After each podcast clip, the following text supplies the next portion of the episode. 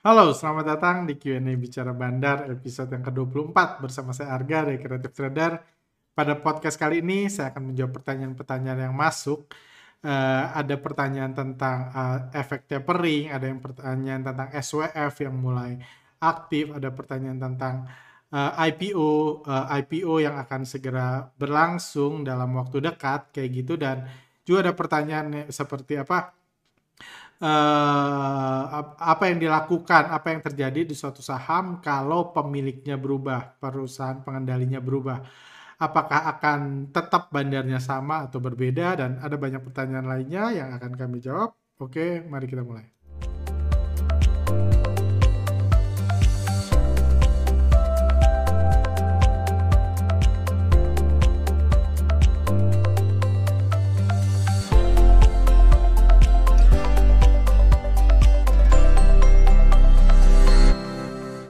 Oke, uh, topik pertama yang mungkin ingin saya bahas sedikit adalah tentang laporan pertumbuhan ekonomi yang rilis uh, bulan November lalu. Seperti kita ketahui, setiap bulan uh, uh, November itu akan keluar laporan kinerja GDP kuartal ketiga tahun berjalan. Tahun 2020 lalu itu luar biasa waktu itu pada saat untuk pertama kalinya Indonesia resmi masuk ke dalam resesi ekonomi November 2020 lalu dan uh, uh, uh, kejadian itu masuknya Indonesia ke resesi ekonomi itu disambut oleh pesta besar-besaran oleh investor asing sehingga kejatuhan Indonesia dalam resesi ekonomi itu uh, di, uh, disambut dengan kenaikan IHSG tertingginya dalam at least uh, 10 tahun terakhir uh, pada November itu di mana di bulan November IHSG naik sampai 9,4 persen kalau nggak salah November 2020 lalu. Dan tentunya banyak dari kita juga berharap kayak gitu di bulan November ini juga akan ada pesta penyambutan pertumbuhan ekonomi atau pesta penyambutan tapering, whatever lah intinya kita berharap IHSG digoreng kayak gitu oleh investor asing tapi so far sih memang belum ada reaksi apa-apa karena itu juga yang kami bahas bulan uh, mendekati bulan November tahun lalu kayak gitu di mana waktu itu para sama kan komentator saham itu selalu khawatir akan something. Selalu mengkhawatirkan resesi ekonomi Indonesia lah tapering di Amerika lah hutang orang Inggris dan lain-lain. Di bulan November lalu pun saya bilang nggak butuh uh, khawatir tentang Indonesia yang masuk resesi. Karena apa pun yang terjadi laporan apa pun yang keluar di bulan November adalah sesuatu yang terjadi sampai bulan September. Ingat ini GDP kuartal 3, berarti sampai bulan September. Kayak gitu. Jadi kejadiannya udah, resesinya udah terjadi sampai bulan September. Dari bulan Juli sampai bulan September dilaporinya bulan November. Kenapa kita harus heboh laporan itu? Enggak ini, apa yang terjadi sampai bulan November itu enggak tercermin uh, nggak akan mempengaruhi apa yang terjadi bulan Oktober dan bulan November. Karena orang pada akhirnya akan mencoba untuk beraktivitas, mencoba untuk uh, mencoba untuk dagang, mencoba untuk hidup normal supaya ekonomi berputar lagi. Dan mungkin jadi itu jadi kita sebagai trader nggak perlu pusing-pusing seperti itu karena apa pun yang terjadi itu uh, hanya sesuatu yang terjadi di masa lalu kayak gitu eh, resesi di November bukan berarti akan membuat harus resesi di bulan Januari. Kayak gitu. Enggak seperti itu. Itu satu. Tapi terlepas dari itu kita harus sangat appreciate ini gambaran penting kalau kita ngomong ekonomi ke depan. Eh, ekonomi RI yang bisa bertumbuh di kuartal ketiga 2021 ini adalah gambaran yang baik tentang bagaimana Indonesia terlepas dari uh, eh, PPKM sepanjang kuartal ketiga, ekonominya tetap bisa tumbuh. Artinya kalau kita masih bermindset krisis ekonomi dan lain-lain, mungkin sudah saatnya kita move on kalau mindsetnya krisis ekonomi ya. Krisis ekonomi berdampak mungkin kita harus segera mulai move on, mulai menganggap karena uh, ini mulai recover. Kondisi mulai recover gitu karena memang di negara Eropa dengan negara Amerika sudah sangat recover kayak gitu. Di Indonesia sendiri sudah menunjukkan even di masa PPKM ekonomi bisa tumbuh. Kayak gitu. Apa efeknya sama bursa saham? So far sih belum ada. Kayak gitu mau tumbuh mau enggak belum ada kayak gitu. Lanjut. Uh, langsung menjawab pertanyaan. Uh, ini ketutupan. Maksudnya bilang IHSG akan naik atau turun, misalnya karena suku bunga dan lain-lain oleh pengamat saham, artinya itu adalah alasan yang mempengaruhi orang atau katakanlah bandar menarik atau mengalirkan duitnya di pasar saham, di mana dengan memanfaatkan situasi itu si bandar mencari keuntungan atau opportunity. Jadi bukan langsung tapi akibat tidak langsung. Eh, jangan eh, dikit-dikit terserah bandar. Eh, ini dari Hejut, ini satu komentar menarik. Memang ini salah satu contoh orang yang kurang mengerti tentang hukum kebebasan bandar. Eh, mungkin dia ketuker antara uh, fung, uh, dia belum paham fungsi komentator saham dan belum paham hukum kebebasan bandar. Jadi seperti ini. Seperti dibilang, ekonomi uh, kuartal ini berita sebelumnya ekonomi di kuartal 3 bertumbuh. Itu bisa dijadikan oleh bandar atau istilahnya kalau bulan November ini investor asing gila-gilaan menaikkan IHSG itu akan disebut akan dikaitkan dengan pergerakan asing merespon kondisi ekonomi Indonesia yang sudah pulih, yang kuat, terlepas dari PPKM, terlepas dari PPKM ekonomi tumbuh, makanya IHSG naik. Makanya asing memasukkan duitnya ke Indonesia. Kalau itu yang terjadi hari Jumat lalu misalnya. Jadi dianggap uh, uh, ekonomi itu mempengaruhi asing jadi masuk. Dianggapnya itu dianggap dikaitkan seperti itu. Sama seperti pemain sepak bola ketika cetak gol dianggap dia latihan kerja keras latihan selama ini membuat dia bisa cetak gol. Itu dianggap. Kalau dia nggak cetak gol bukan berarti dia sebelumnya nggak latihan, dia tetap latihan. Cuma dikait-kaitkan. Kayak gitu. Jadi ekonomi seperti itu, resesi ekonomi dianggap ketika ekonomi resesi, Eh, di bulan November lalu IHSG naik terbesarnya. Berarti dianggap investor asing menyukai resesi. Terserah menyukai pertumbuhan atau kemarin hari Jumat IHSG nggak ke mana-mana. Atau bahkan cenderung terkoreksi. Berarti dianggap investor asing tidak suka dengan pertumbuhan ekonomi. Terserah. Tapi terlepas dari itu, nanti kalau eh, kuartal 4 ekonomi tumbuh lagi, apakah akan naik akan turun? Balik lagi ke terserah bandar. Yes, kalau naik, kita akan mengkaitkan pertumbuhan ekonomi membuat investor asing menggoreng IHSG. Kalau turun, kita akan mikirin yang lain. Mungkin karena tapering. Mungkin karena apa? Mungkin karena ini, mungkin karena COVID, mungkin karena itu. Jadi itu cuma alasan. Itu cuma kecap pemanis bursa saham. Jadi nggak ada urusannya. Kayak gitu. Jadi karena nggak ada aturannya, nggak ada aturannya, maka Uh, kalau ekonomi tumbuh, asing harus goreng IHSG ya. Itu diwajibkan di Bursa Efek Indonesia. Investor asing wajib menggoreng IHSG minimum 3%. Kalau ekonomi tumbuh 3%, nggak ada. Nggak ada peraturan itu di bursa. Jadi ketika ekonomi tumbuh, asing bisa ngeguyur, asing bisa beli. Jadi balik lagi ke hukum kebebasan bandar asing boleh merespon, boleh tidak merespon, boleh buat pesta resesi, boleh buat pesta pertumbuhan ekonomi, boleh buat pesta tapering, itu terserah mereka. Seperti itu. Mudah-mudahan dipahami oleh Hejut ini. Seperti ini, ini contoh-contoh beritanya. Eh, kita tahu saya aja kenyang ditanyain sampai minggu lalu agak-agak sedikit males karena saking ditanya ditanya mulu nanti tapering IHSG turun nggak? Turun nggak? Kayak gitu. Karena seakan-akan komentator saham bilang IHSG harus turun ada peraturannya.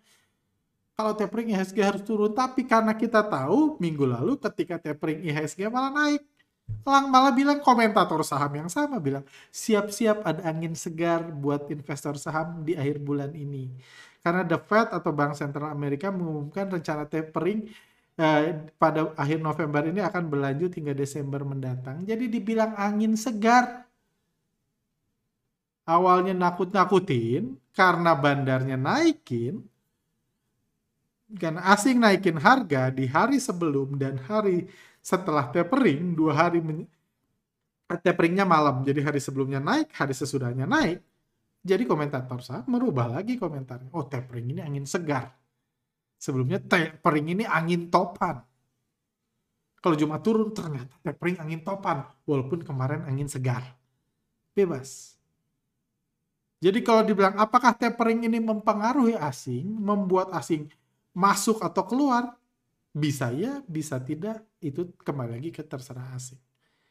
Kita cuma seru-seru ngebahas aja kayak gitu, kayak orang aneh sih. Isu tapering sudah basi, IHSG tetap terbang hari ini, asing masuk. Oh ya, satu lagi. Jadi, kenapa komentator saham sering melakukan itu? Jadi saya saya pernah debat sama komentator saham.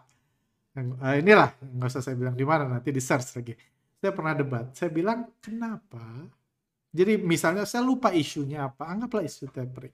Kenapa lu bilang IHSG bakal turun kalau ada tapering tolong jelasin logikanya dong kasih logikanya dia bilang kalau tapering berarti pertumbuhan ekonomi Amerika akan turun oke okay, saya bilang anggaplah saya setuju misalnya Terus kalau tapering berarti suku bunga akan dinaikkan. Oke, okay, saya bilang. Kalau suku bunga dinaikkan berarti return suku bunga akan membuat investor mungkin dana-dana asing dari luar negeri masuk ke Amerika karena suku bunganya naik. Oke, okay, anggaplah benar. Terus apa hubungannya sama si ISG?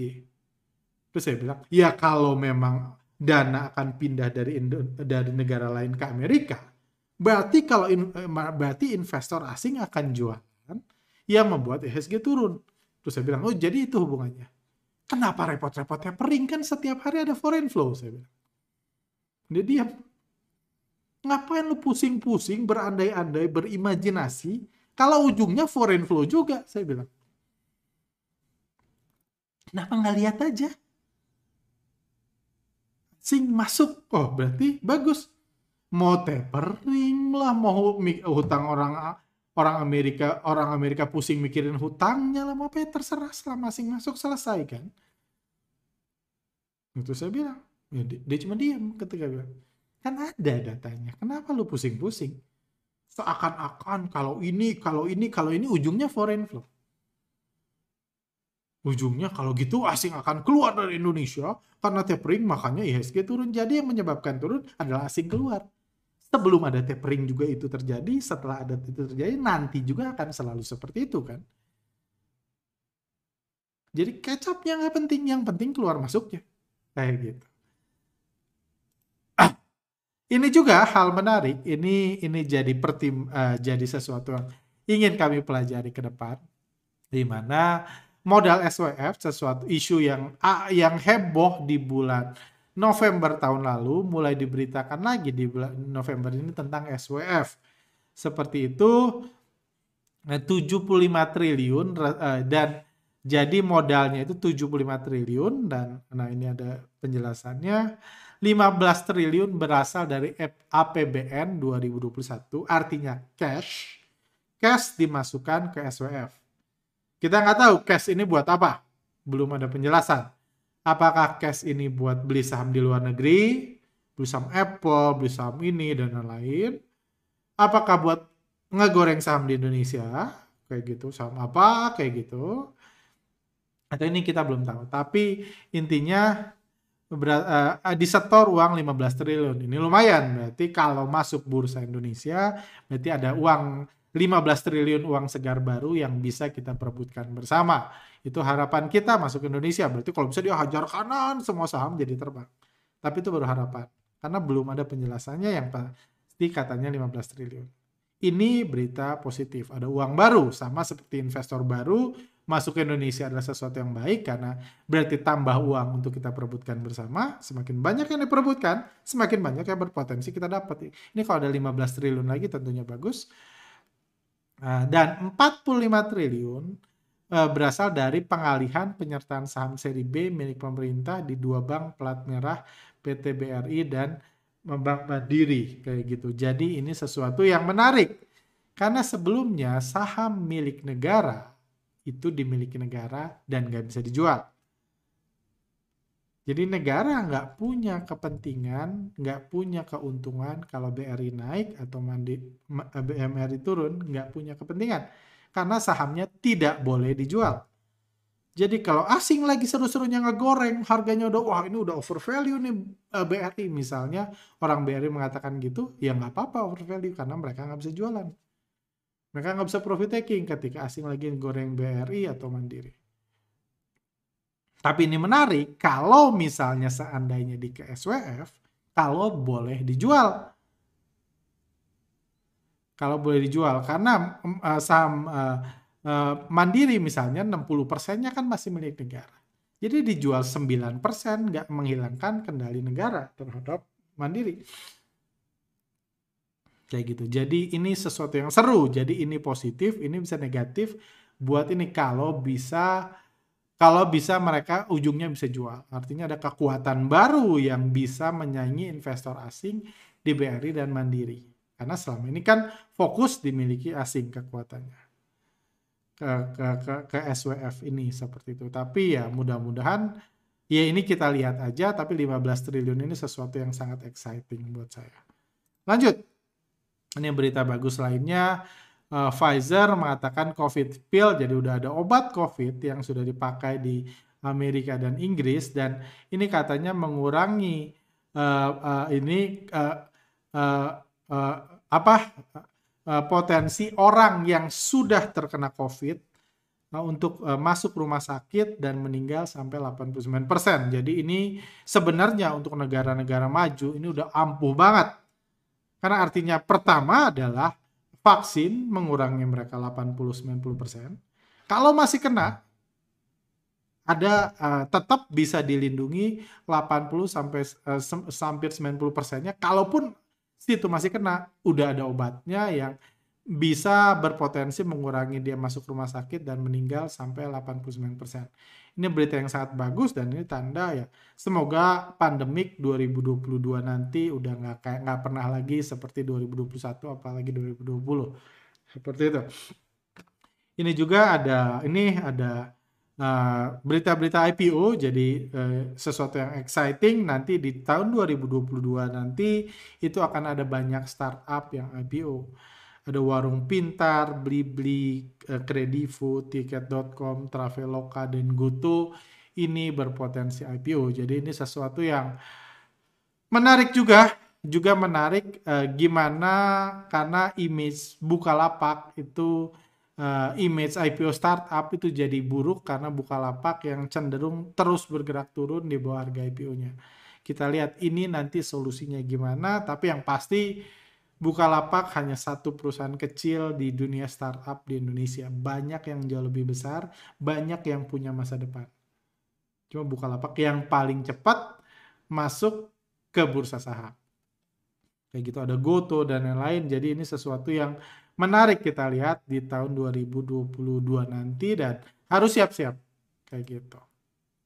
Dan ini juga ada berita konglomerat RI ramai-ramai perusahaan IPO siapa saja. Jadi ini seru juga di mana konglomerat juga sudah melihat banyaknya dana masuk, banyaknya uang yang berputar di BI sebagai potensi untuk mereka uh, masuk ke bisnis kuliner di bursa kita. Oke, lanjut. Nah, masuk ke pertanyaan. Sore CTS, boleh minta tanggapannya dong soal book building MTEL yang under subscribe. Strike price-nya aja bukan 975 tuh harga maksimalnya. Thank you ini informasi baru uh, kami belum sempat untuk menggarap ya. Kalau memang harganya bukan di harga tertinggi dan under subscribe itu aja udah bukti efek dari ke, uh, apa kekecewaan investor retail dari IPO uh, eh, sebelumnya, IPO sebelumnya yang yang membuat orang agak ilfeel ikut IPO karena takut dibanting, rugi dan lain-lain under subscribe ini ya ya nggak sepenuhnya berita jelek sih. Uh, apalagi kalau memang minatnya turun, minat retail turun, berarti dis, uh, uh, peluang untuk distribusi dipersulit kan.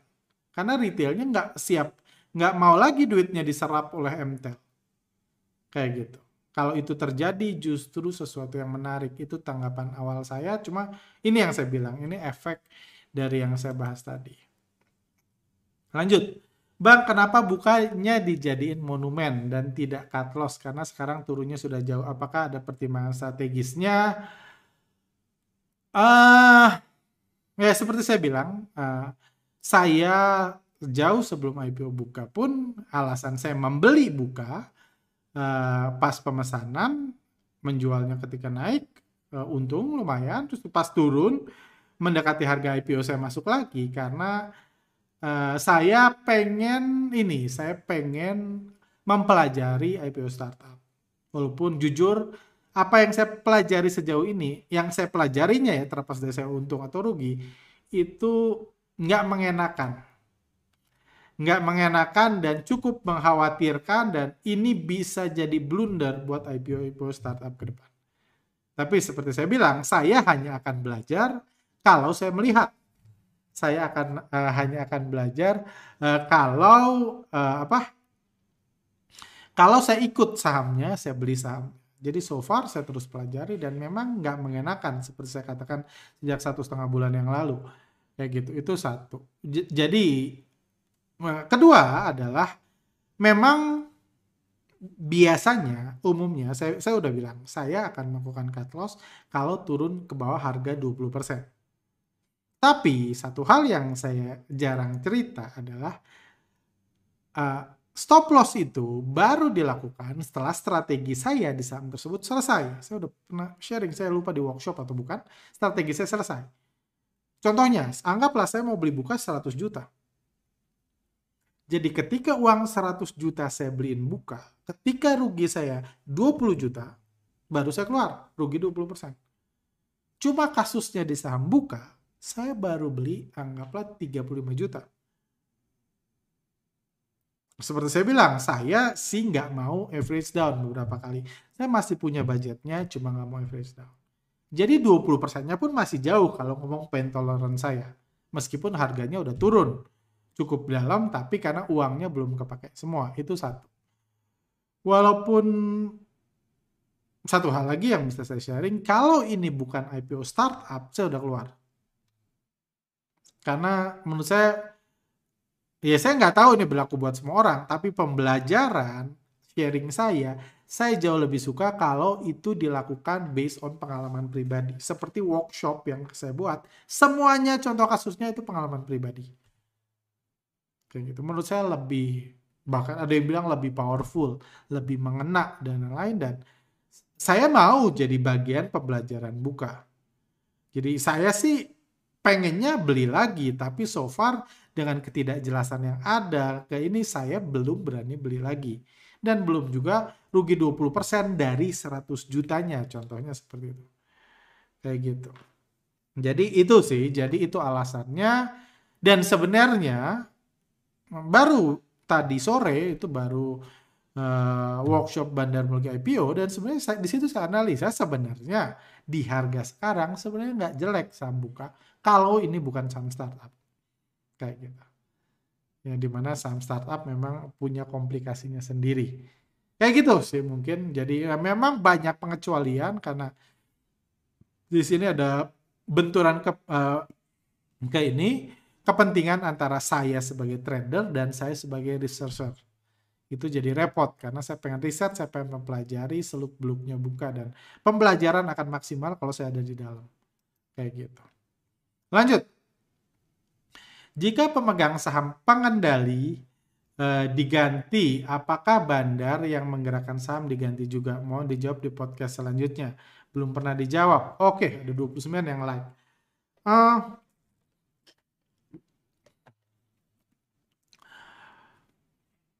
nggak ada jawaban pastinya ya kayak gitu. Atau sebagai contoh seperti ini. Dulu waktu tahun lalu, hampir setahun lalu ketika mendekati resminya uh, BRIS ganti nama jadi Bank Syariah Indonesia, saya berkali-kali bilang setengah bercanda, setengah edukasi di channel Telegram kami, kami bilang saya sih prefer kalau bisa jangan jadi mergernya. Jangan jadi mergernya, jangan jadi BSI dan lain-lain, kalau bisa tetap sama. Kenapa? Karena saya berharap BRIS itu bisa gerak bareng, gerak cantik, sama seperti agro, bank rencana digital. Gitu karena dulu setahun yang lalu karena masih gerakannya bareng kayak gitu. Saya sih berharap kalau bisa jangan deh. Kalau bisa nggak usah merger-mergeran ngapain sih gitu kan? Karena kan saya trader kan. Saya bukan yang nabung ngapain merger-mergeran biar ini udah cantik nih bandarnya udah cantik, gerakannya udah cantik, digorengnya udah cantik. Saya bilang seperti itu. Karena saya khawatir memang setelah pengendalinya diganti, bandar yang menggerakkan sahamnya diganti juga. Kayak gitu. Uh, jadi itu juga alasan saya. Jadi memang potensi itu ada. Kayak gitu sama seperti uh, satu m uh, satu perusahaan dirutnya ganti. Ini nggak usah dirut deh. Uh, uh, direktur pembeliannya uh, ganti nih, purchasingnya ganti. Kan mungkin pembeli-pembelinya juga ganti kan. Maksudnya uh, supplier-suppliernya pun diganti karena orang purchasingnya diganti itu sangat mungkin terjadi. Karena udah beda otak, beda kepala, beda networking dan lain-lain. Begitu juga dengan saham. Bukan dirut ganti, dirut perusahaan ganti sahamnya, bandarnya diganti tentunya bukan. Tapi kalau pemiliknya ganti bisa diganti kayak gitu. Jadi ada seperti itu, tapi bisa juga tidak kan. Bisa aja ya udah deh pemiliknya ganti, selama ini dibandingin sama siapa sih itu? Kayaknya oke nih selama ini udah tetap sama dia aja. Kayak gitu jasanya tetap dilakukan oleh yang sama itu juga bisa. Oke, itu dari pisang sel pertanyaannya banyak di like. Saya newbie buat eh, buat jadi alumni gimana ikut workshop benefitnya apa aja ya belajar ini kok pertanyaan produk ya udah tanggung. Apa dapat software buat tahu lebih jelas pergerakan bandar? Yes. Sejauh hampir setahun belajar saya kok saya rasa kok cuma CTS yang paling masuk akal. Pengen join kalau workshop yang offline. Udah bosen Zoom terus. Ya, kami belum ada jadwal workshop online offline, cuman onsite. Cuma 2021 nanti kami pasti buat walaupun mungkin untuk workshop bandarmologi uh, harus formatnya harus sedikit dirubah event yang onsite karena materinya terlalu panjang untuk workshop dua hari. Cuman kalau workshopnya tiga hari itu akan bingung uh, pilih hari yang mana. Karena kan biasanya weekend kan karena yang buat kerja buat yang ini kayak gitu weekend itu paling enak juga karena full day nggak perlu pusing mikirin lain-lain. Kayak gitu. Cuma ya next time cuma Dulu sebelum pandemik saya mengatakan workshop offline onsite itu jauh lebih baik. Saya yang bilang, saya, saya mau workshop online onsite. Saya bilang kalau bisa onsite onsite. Cuma after pandemic, apalagi dengan perubahan stock market 2.0, saya bisa mengatakan workshop online, at least bandarmologi ya.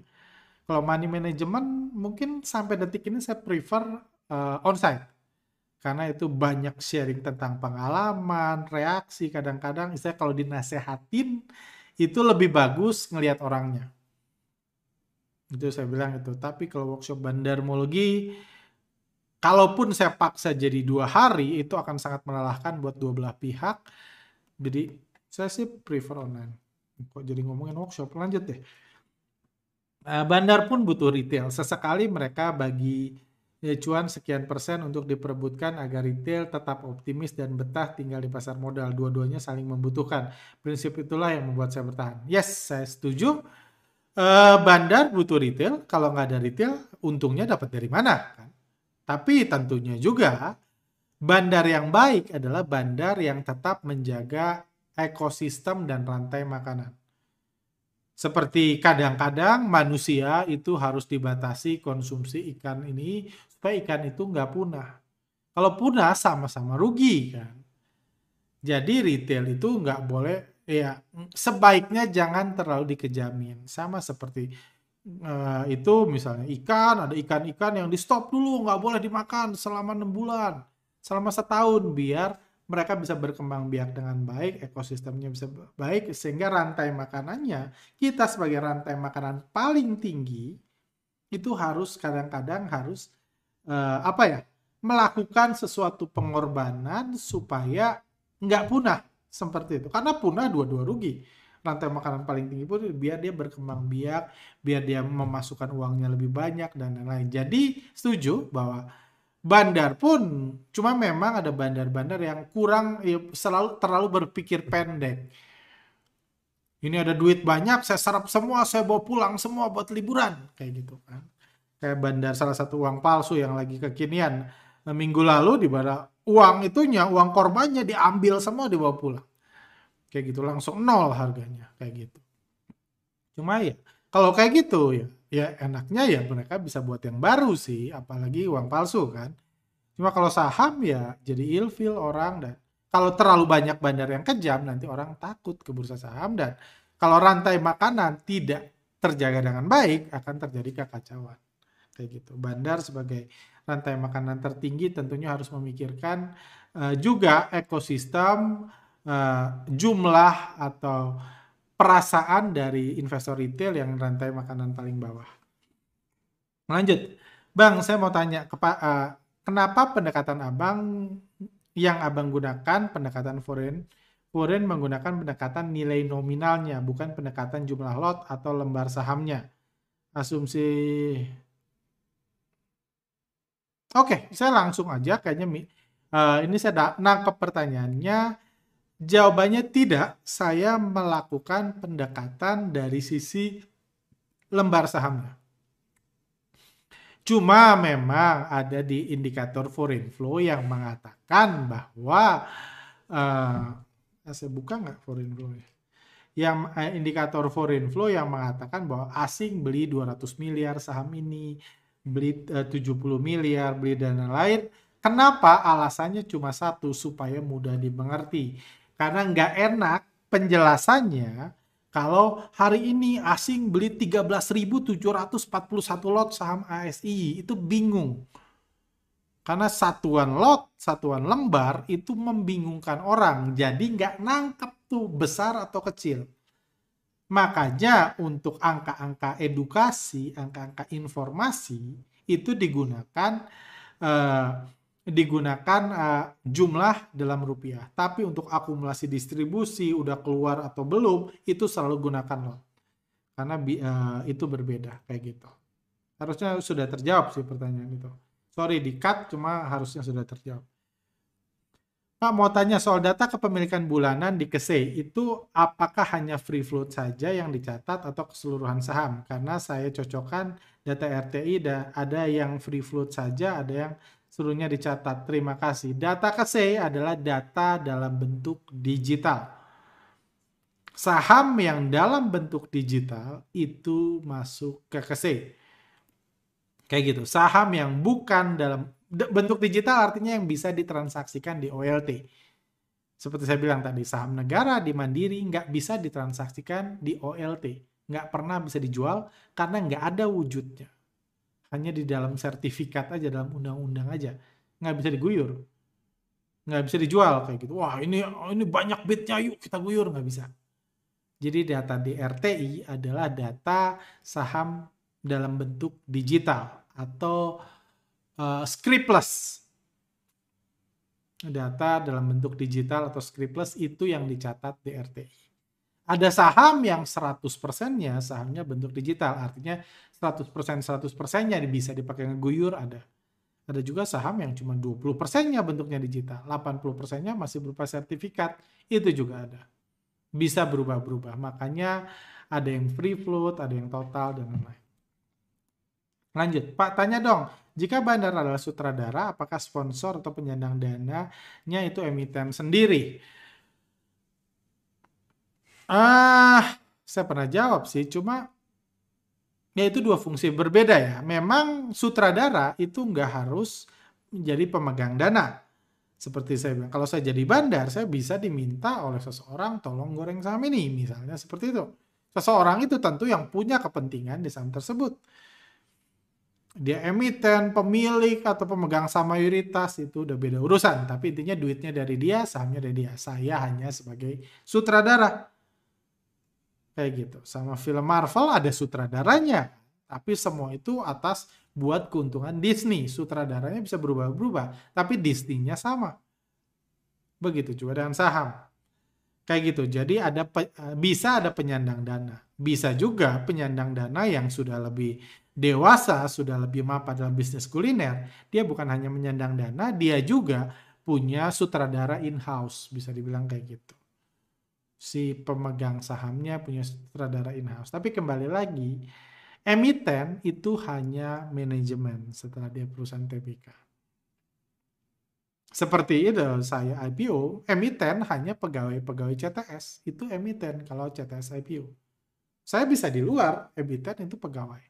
Sahamnya tergantung saya sebagai pemilik, bukan emiten. Emiten hanya manajemen yang digaji. Lanjut. Salam Pak Arga dari Pak Andri. Uh, saya uh, beberapa hari menonton penjelasan Bapak baik di channel ini atau di channel lain. Banyak yang ingin saya tanyakan. Saat ini saya tanyakan satu saja. Kalau boleh kesempatan lain saya bertanya lagi silahkan yaitu apakah pemerintah tidak terlibat baik langsung maupun tidak atas harga saham ya karena saya ketahui pasar modal kan menjadi salah satu acuan penting dengan atas penilaian atas perekonomian negara. Seperti ucapan Bapak Presiden Jokowi berkunjung ke BEI 31 Maret 2021 bagaimana pandangan Pak Arga tentang hubungan pemerintah dan IHSG ya, yang yang tentu berhubungan dengan bandar sebagai penggerak harga sebagai Pak Harga ucap se, seperti Pak Harga ucapkan. Terima kasih, sangat senang sekali. Kalau dijawab akan sangat senang sekali. Oke. Saya jawab, uh, seperti saya bilang ya. Pertama adalah untuk negara demokrasi seperti Indonesia, pemerintah adalah adalah manajemen kan sebenarnya kalau di emiten. Bisa diganti, bisa di ini. Jadi nggak ada yang punya uh, sense of belonging itu hanya semasa jabatan. Kayak gitu. Nah, itu saya angkat aja poin itu nanti silahkan dihubungkan sendiri biar nggak salah ngomong. Itu satu. Kedua adalah seperti saya bilang, tadi juga dibahas, eh, kenaikan harga saham-saham BUMN, badan usaha milik negara, yang sahamnya dikuasai negara, itu tidak menjadi keuntungan buat APBN, aja simpelnya. APBN nggak akan nambah, wah saham mandiri naik banyak nih. Berarti negara punya duit lebih. Kalau dijual, masalahnya nggak bisa dijual atau saham keras turun banyak nih berarti negara tambah miskin kalau dijual tapi nggak bisa dijual jadi yang dipedulikan negara hanya dividen jadi dia harusnya ke SWF ini kita lihat peraturan ke depan mungkin bisa sedikit berubah hal tersebut. Kalau SWF yang 15 triliun tadi misalnya bisa dipakai bisnis kuliner itu tentunya akan sangat baik. Kayak gitu. Cuman let's see lah. Kita kan itu masih awal ya. Saya cuman bangun awareness aja tentang SWF kayak gitu itu satu cuma uh, selama ini nggak ada urusannya negara negara hanya pengen dividen supaya uangnya masuk ke kas negara karena harga saham naik atau turun nggak merubah apa pun buat mereka itu kalau pergerakan harga saham dan kepentingannya buat negara gimana buat image image perekonomian yes benar kalau bursa sahamnya hancur dianggap ekonominya jelek. Mungkin ada satu dua investor yang, wah ini bursa sahamnya aja hancur, gue nggak jadi invest di Indonesia. Mungkin. Atau at least uh, misalnya pemerintah atau ini bisa membanggakan, bursa kita tumbuh sangat baik, itu menandakan ekonomi kita tumbuh sangat baik. Walaupun sebenarnya data ekonomi sih ada. Nggak usah dihubung-hubungkan sama bursa. Cuma anggaplah ada sejumlah investor yang peduli kayak gitu atau negara nggak pengen bursa sahamnya rusak atau IHSG-nya loyo IHSG-nya crash negara nggak pengen anggaplah ada keinginan seperti itu tapi ya itu sudah disampaikan sejak lama makanya uh, uh, itu bursa diminta untuk meng-IPO-kan banyak saham supaya market cap-nya tambah supaya transaksi besar gitu sekarang lagi disarankan untuk lebih rajin tektok-tektok, scalper, beli pagi, jual siang, beli lagi sore, jual sebelum penutupan. Itu lagi supaya uh, pajak hasil dari bursa saham meningkat. Kayak gitu. Dan yaitu mengundang investor asing supaya masuk ke bursa kita biar IHSG naik. Jadi itu sudah dilakukan kok.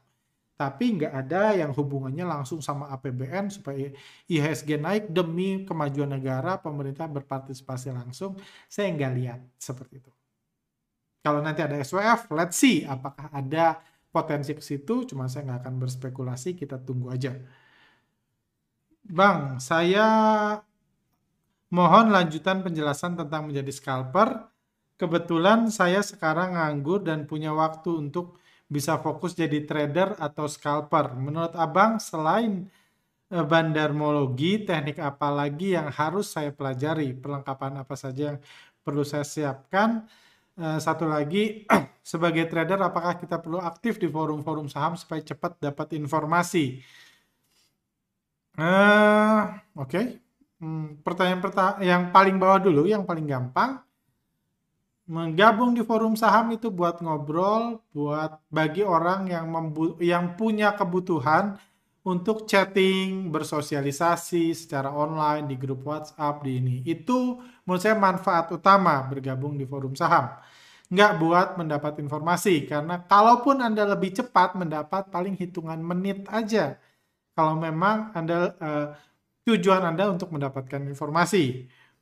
Untuk mendapatkan ilmu menurut saya lebih worth it waktunya dipakai nonton YouTube. Karena saya sendiri sebagai edukator saya merasa mengajar orang banyak di forum saham itu sesuatu yang menyulitkan yang nggak efektif. Mendingan kayak sekarang ini kan Anda tanya yang banyak pertanyaannya di like saya jawab selesai.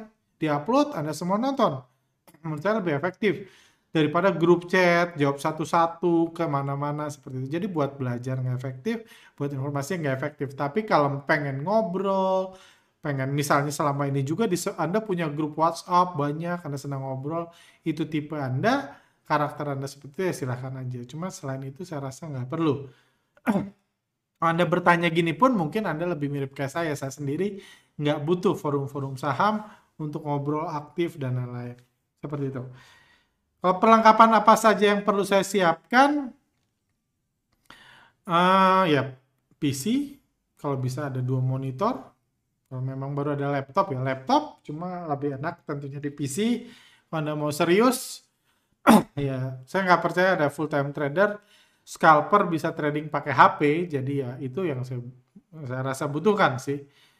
Itu terus selain bandarmologi, teknik apa lagi yang harus saya pelajari itu yang Uh, pertama saya nggak bilang uh, untuk menjadi scalper harus bisa bandarmologi. Saya rasa nggak semua scalper ya semua scalper melihat pergerakan broker, pergerakan bandar dan lain-lain. Cuman bukan berarti harus ikut workshop bandarmologi. Nggak seperti itu sih kalau itu tujuan pertanyaannya. Cuman yes, yang benar satu adalah menjadi scalper itu butuh adalah sebuah profesi jadi nganggur mau jadi profesi scalper atau trader itu itu memang yang nganggur itu salah satu kekuatan utama Anda saat ini. Kalau Anda mau jadi scalper dan juga dipertimbangkan karena di sini nggak dijelaskan anda itu nganggur sementara kah, seterusnya kah, atau Anda memang pengen seterusnya trading atau apa, itu juga harus jadi pertimbangan buat Anda. Kayak gitu, karena uh, apa ya? Uh, karena belum tentu uh, nanti Anda mungkin cuma nganggur pas pandemik aja, pas sepi nanti akan Anda akan rame lagi. Usaha Anda menjadi scalper akan sia-sia kalau memang nanti Anda punya pekerjaan lain, cuma nganggur sementara. Jadi mendingan jadi trader yang lebih ke swing, lebih butuh waktu. Tapi itu juga Anda yang memutuskan. Anggaplah Anda mau jadi tapi ya intinya generalnya kalau ber, menjawab pertanyaan terakhir adalah mungkin ini terakhir aja. Jadi intinya apa pun itu uh, intinya trading itu butuh tiga kemampuan. Kemampuan pertama itu kemampuan analisa. Bandarmologi foreign flow uh, fundamental technical kalau mau dimasukin itu semua adalah kemampuan analisa atau memilih saham. Saham apa yang mau dibeli? Belinya kapan? Dan lain-lain Cuma karena bandar mah bebas, tidak ada satupun analisa yang bisa selalu untung. Analisa yang dianggap selalu untung adalah skema Ponzi, penipuan. Nggak ada analisa yang bisa selalu untung. Jadi kalau Anda mendengar orang trading saham untung berarti dia penipu. Siapa pun itu termasuk saya. Kayak gitu. Kayak gitu. Karena bandar bisa naikkan, turunkan, bisa merubah kebiasaan dan lain-lain. Jadi, oke, okay, analisa adalah belajar cari untung. Ada orang yang hebat cari untung, ada yang biasa aja, ada yang sangat jago cari untung. Tapi semua itu hanya satu bagian dari trading saham. Bagian lain adalah rugi. Gimana kalau Anda rugi? Dan itu skill pertama tadi adalah memilih saham. Skill kedua yang dibutuhkan adalah kedua dan ketiga adalah manajemen. Manajemen modal, manajemen portfolio, manajemen risiko. Sama-sama semua bisnis besar, orang kalau serius harus ada manajemennya.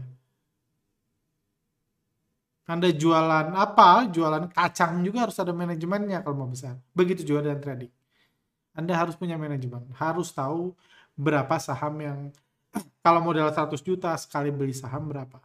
Berapa saham yang Anda harus miliki yang cocok buat Anda. Berapa kerugian, resiko yang boleh Anda ambil dan lain-lain itu manajemen. Manajemen modal, manajemen portfolio.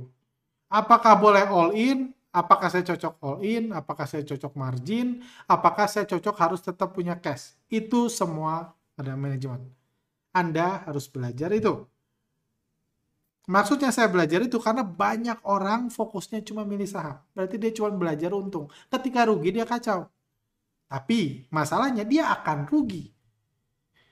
Jadi Anda harus belajar dari dua mata uang. Karena trading ada yang untung, ada yang rugi kan. Anda nggak mungkin jadi yang untung terus. Anda harus belajar juga jadi yang rugi. Gimana memanage resiko. Memanage resiko itu sering kali juga bermasalah karena masalah psikologis. Kalau cut loss, kalau loss langsung depresi. Kalau rugi langsung semua duit dipakai average down dan lain-lain. Itu masalah psikologis. Masalah psikologis paling umum orang pelajari uh, mas belajar dari mana dari pengalaman jadi otaknya dilatih based on pengalaman pernah nyangkut di sini pernah cut loss di sini pernah dalam sebulan hilang 50% gara-gara ini dan lain-lain dengan pencatatan dan pengalaman secara psikologis Anda terlatih. Ya pengalaman itu kan urusannya psikologis otak kita. Karena otak kita itu nggak dibuat untuk bisa trading saham. Pernah melakukan riset dan even orang lain yang mengasumsi eh, menyimpulkan kayak gitu dan saya setuju. Pak Arga setelah saya lihat riset psikologis uh, yang Bapak lakukan saya rasa manusia nggak diciptakan buat trading saham. Dan saya bilang ya, saya setuju sih. Karena kita nggak disiapkan untuk mengalami rugi kita nggak disiapkan dengan perubahan yang begitu cepat nasib peluang cepat kaya dan cepat miskin kita semua tidak disiapkan buat itu. Kita harus bisa memanage psikologis kita. Cara paling paling lama dan paling efektif sebenarnya pengalaman. Cuma kami karena pengen mengkat itu kami bahkan sempat meng-hire orang psiko dengan latar belakang psikologis jadi tim kami. Kami riset psikologis manusia selama dua tahun terakhir dan itu sangat membantu kami. Kayak gitu. Otak manusia, teori pain tolerance yang pernah Anda dengar, dan banyak lagi kegunaannya dan itu sangat penting. Jadi tiga itu adalah kunci Anda sukses trading. Pilih saham. Kalau Anda bisa pilih saham, uh, tapi masih belum untung, belum tentu masalahnya adalah Anda salah pilih saham. Mungkin masalahnya adalah manajemen. Gimana Anda membeli? Portfolio Anda seperti apa? Berapa saham yang Anda miliki? Komposisinya berapa? Mungkin masalah Anda itu. Pastikan Anda belajar itu dulu bukan cuman karena saya uh, saya sering ketemu orang workshop bandarmologi, workshop foreign flow, bandarmologi IPO dan lain semua analisa diajarin. Cuma kami tawarin, ini saya ada workshop menarik dia nggak minat workshop psikologi dan manajemen. Kalau approach-nya itu berarti dia hanya bisa untung, hanya bisa belajar di satu mata uang, hanya fokus di satu. Kalau dia untung, gimana caranya gue untung? ketika rugi datang bisa gagal semua tuh. Bahkan otak manusia at one point bisa semi ini uh, dysfunctional ketika dalam kondisi rugi tertentu. Semua teori belajar untung hilang semua kalau sudah rugi di titik tertentu. Itu psikologis. Gimana mengatasi sinya itu juga psikologis. Jadi itu juga harus dipelajari. Kayak gitu. Jadi kami ada workshop, cuma kalau nggak ada yang budget workshop, ada buku yang cukup populer sekarang namanya Psychology of Money. Itu ya sebagian kecil di situ itu salah satu riset kami. Anda bisa belajar di situ kalau mau baca untuk workshop silakan. Nah di situ pun ada bagian tentang yang menjelaskan bagaimana otak manusia menganalisa ini. Otak manusia memproses. Itu itu cap itu buku itu baru rilis. Kami udah bahas itu jauh lebih dalam sejak tiga tahun yang lalu. Seperti tapi itu bagus. Itu jauh lebih murah tentunya daripada workshop. Seperti itu sih. Oke, itu aja. Nah, bagi Anda yang mau ini, ya kalau Anda punya pertanyaan lain, silahkan masukkan di kolom pertanyaan. Saya harap saya bisa sharing something ke Anda, Anda belajar something uh, dalam podcast ini. Oke, okay, uh, sehat selalu, see you next time.